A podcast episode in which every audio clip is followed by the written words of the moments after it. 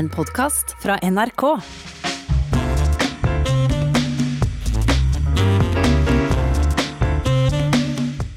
Det er ei tid for alt, heter det, og nå er det tid for å dukke ned i det mytiske norske middelaldereposet Draumkveet. For eh, det er kommet ut i ny drakt, sunget av Kim Rystad, Setesdølen som ble publikumsyndling da han nesten vant Stjernekamp.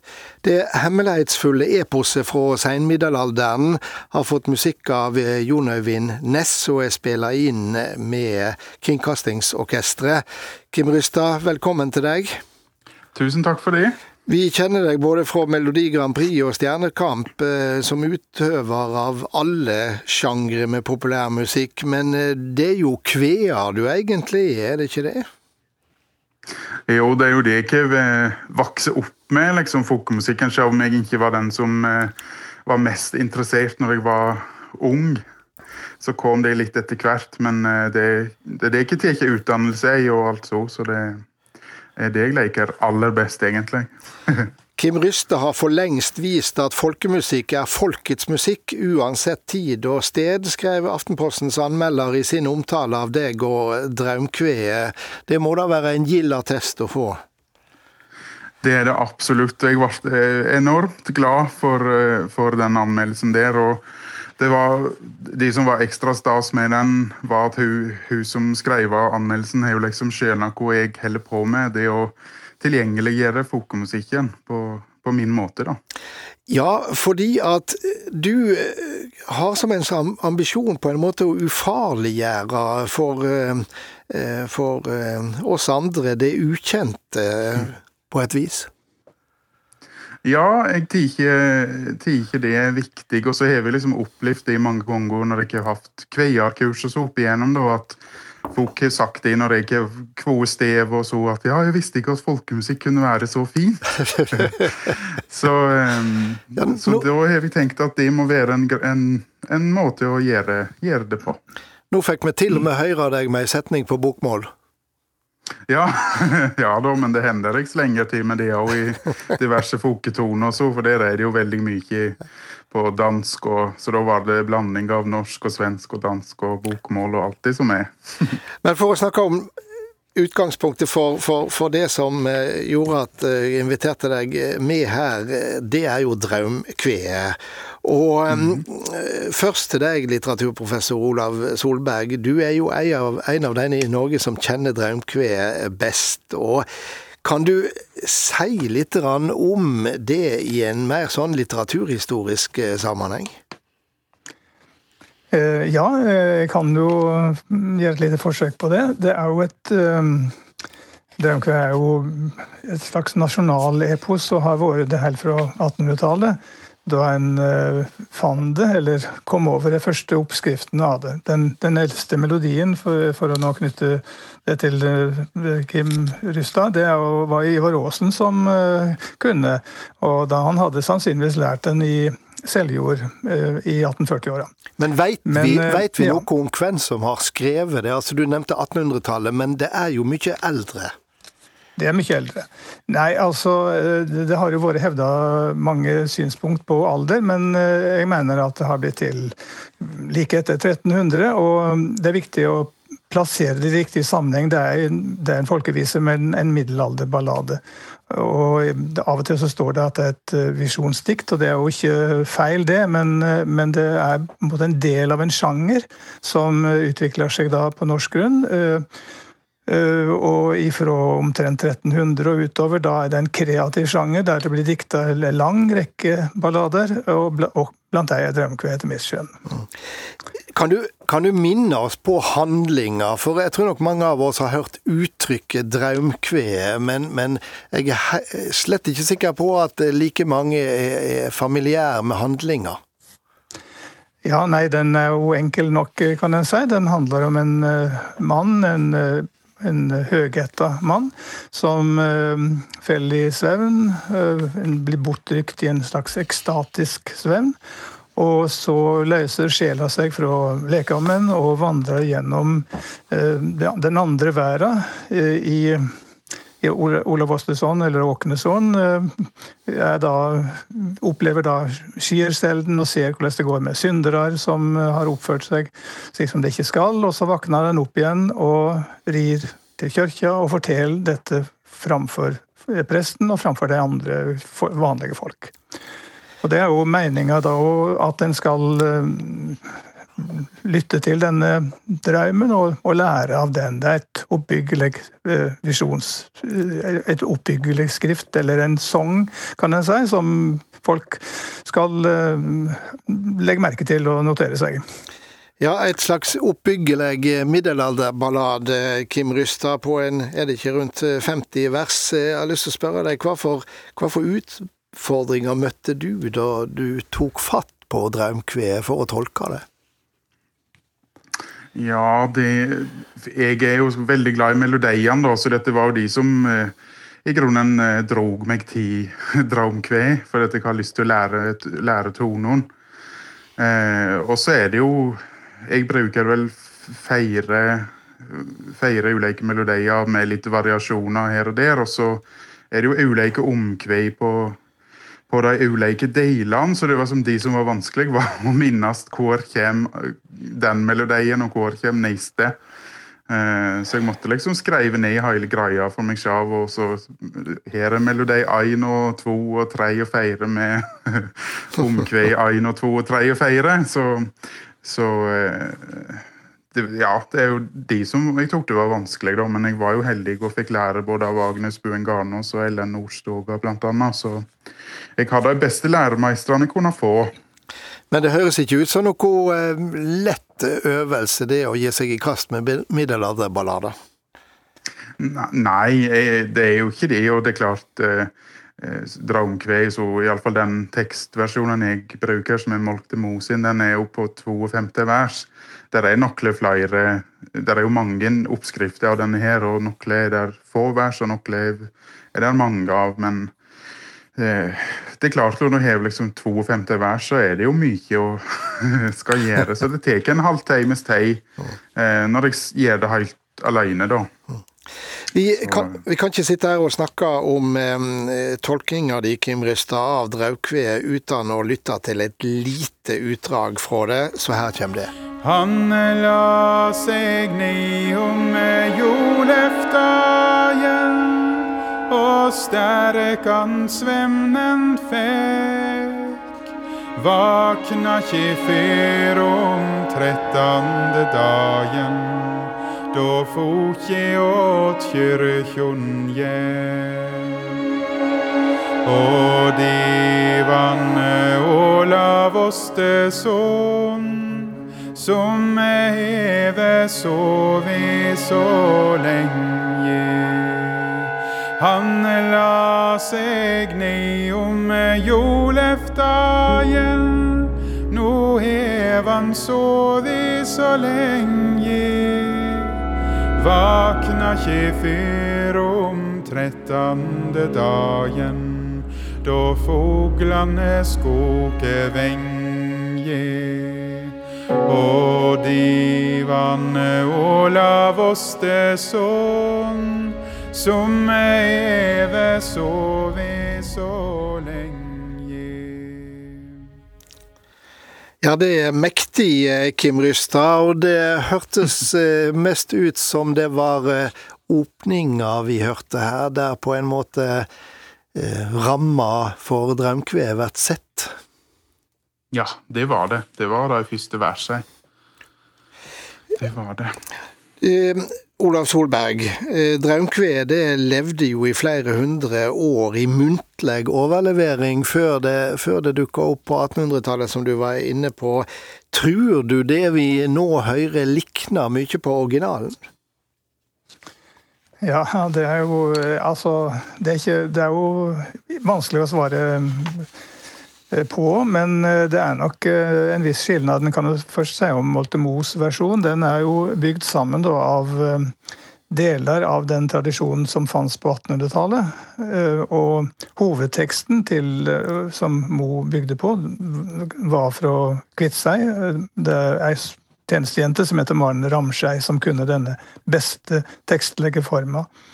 Men hvordan en da tenker seg dette gått jeg, jeg, jeg, tror at det har vært noe skrift inn i bildet i denne munnlige tradisjonen. Uh, og uh, det er så Det er tegn som tyder på det i det vi vet om 1800-tallstradisjonen.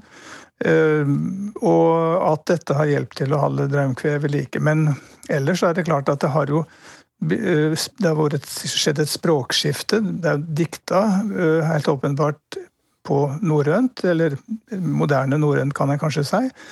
Eh, og så har det klart denne overgangen til landsmål eller til landsmålsdialekt på veien. Så det har eh, er på en måte en språktransformasjon, hvis jeg kan bruke det uttrykket, eh, gjennom disse hundre åra?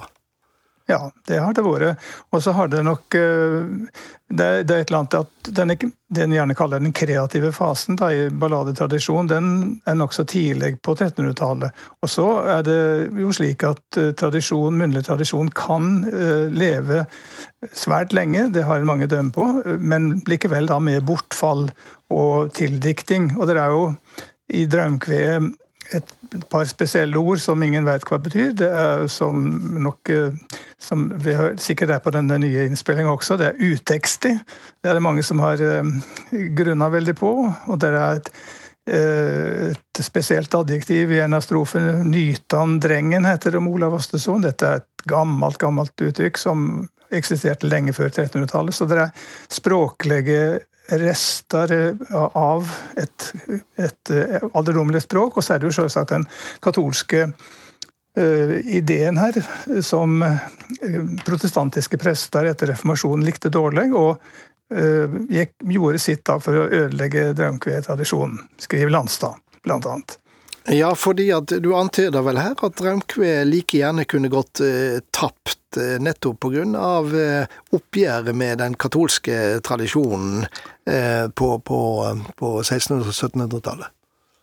Ja, det, det, har en jo eh, Det kunne det godt ha gjort, og det slik har det helt sikkert gått med en god del av den eh, katolske tradisjonen, som Landstad forteller f.eks. For om en prest i Mo i Telemark. som han, Det var forresten farfar til Nils uh, Henrik Abel, matematikeren, mm. som eh, skal ha preika på, uh, i kirkene og advara folk mot å, å sysle med den slags ting som, som, som draumkve.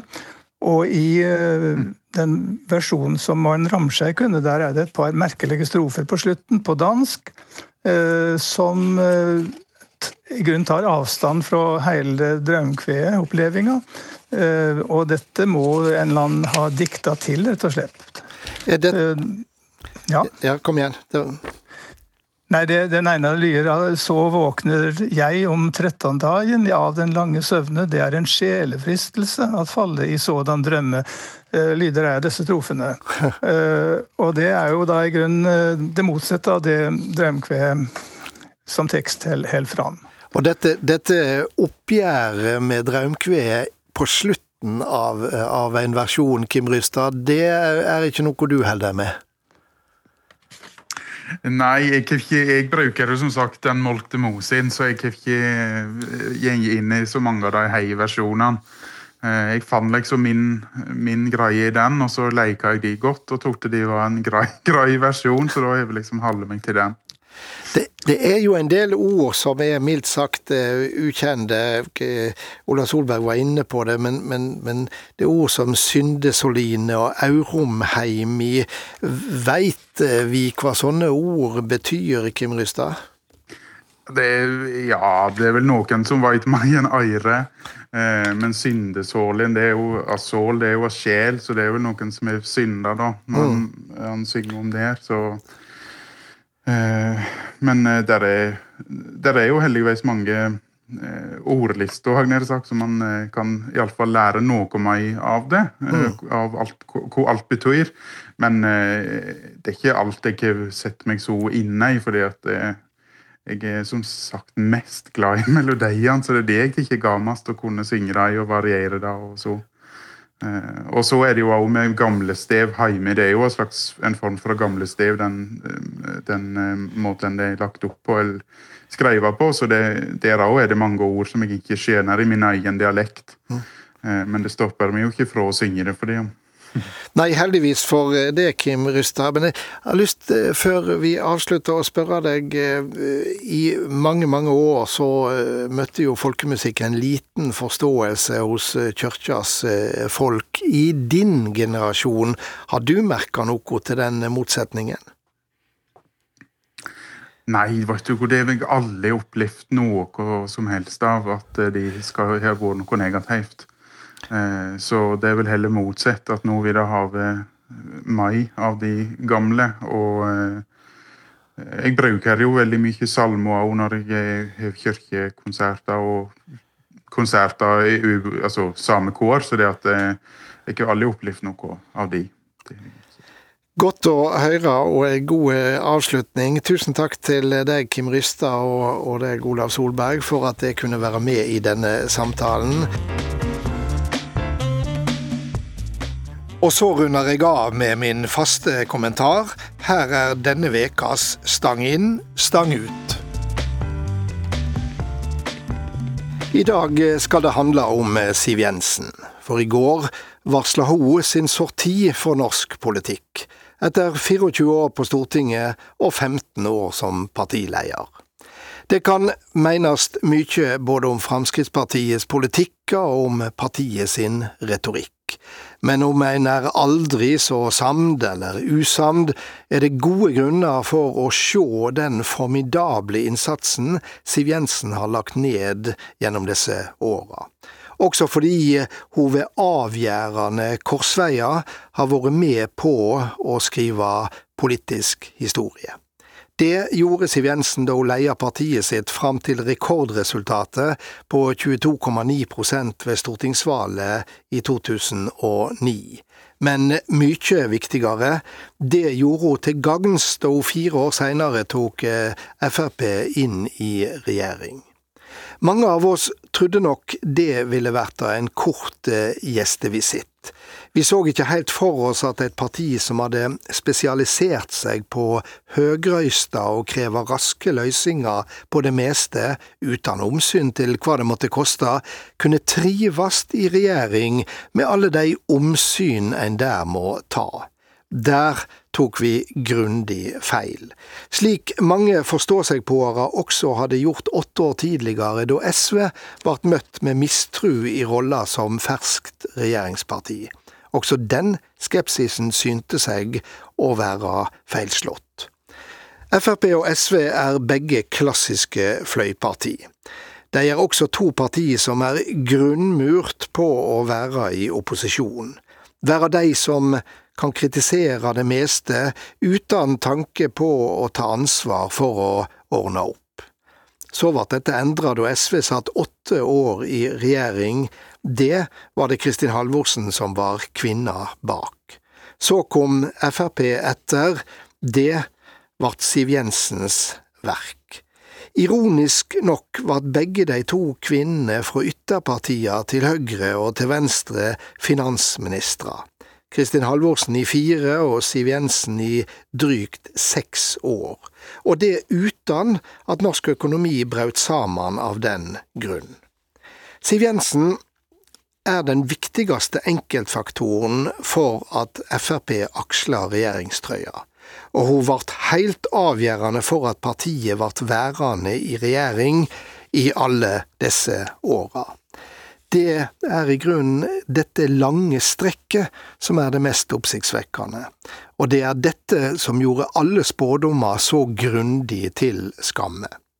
Enig eller uenig med henne, det er ikke det som er spørsmålet akkurat nå, for jeg har sans for å anerkjenne en ekstraordinær innsats når det er en slik vi ser, og det er nett dette Siv Jensen har signert disse åra. God helg.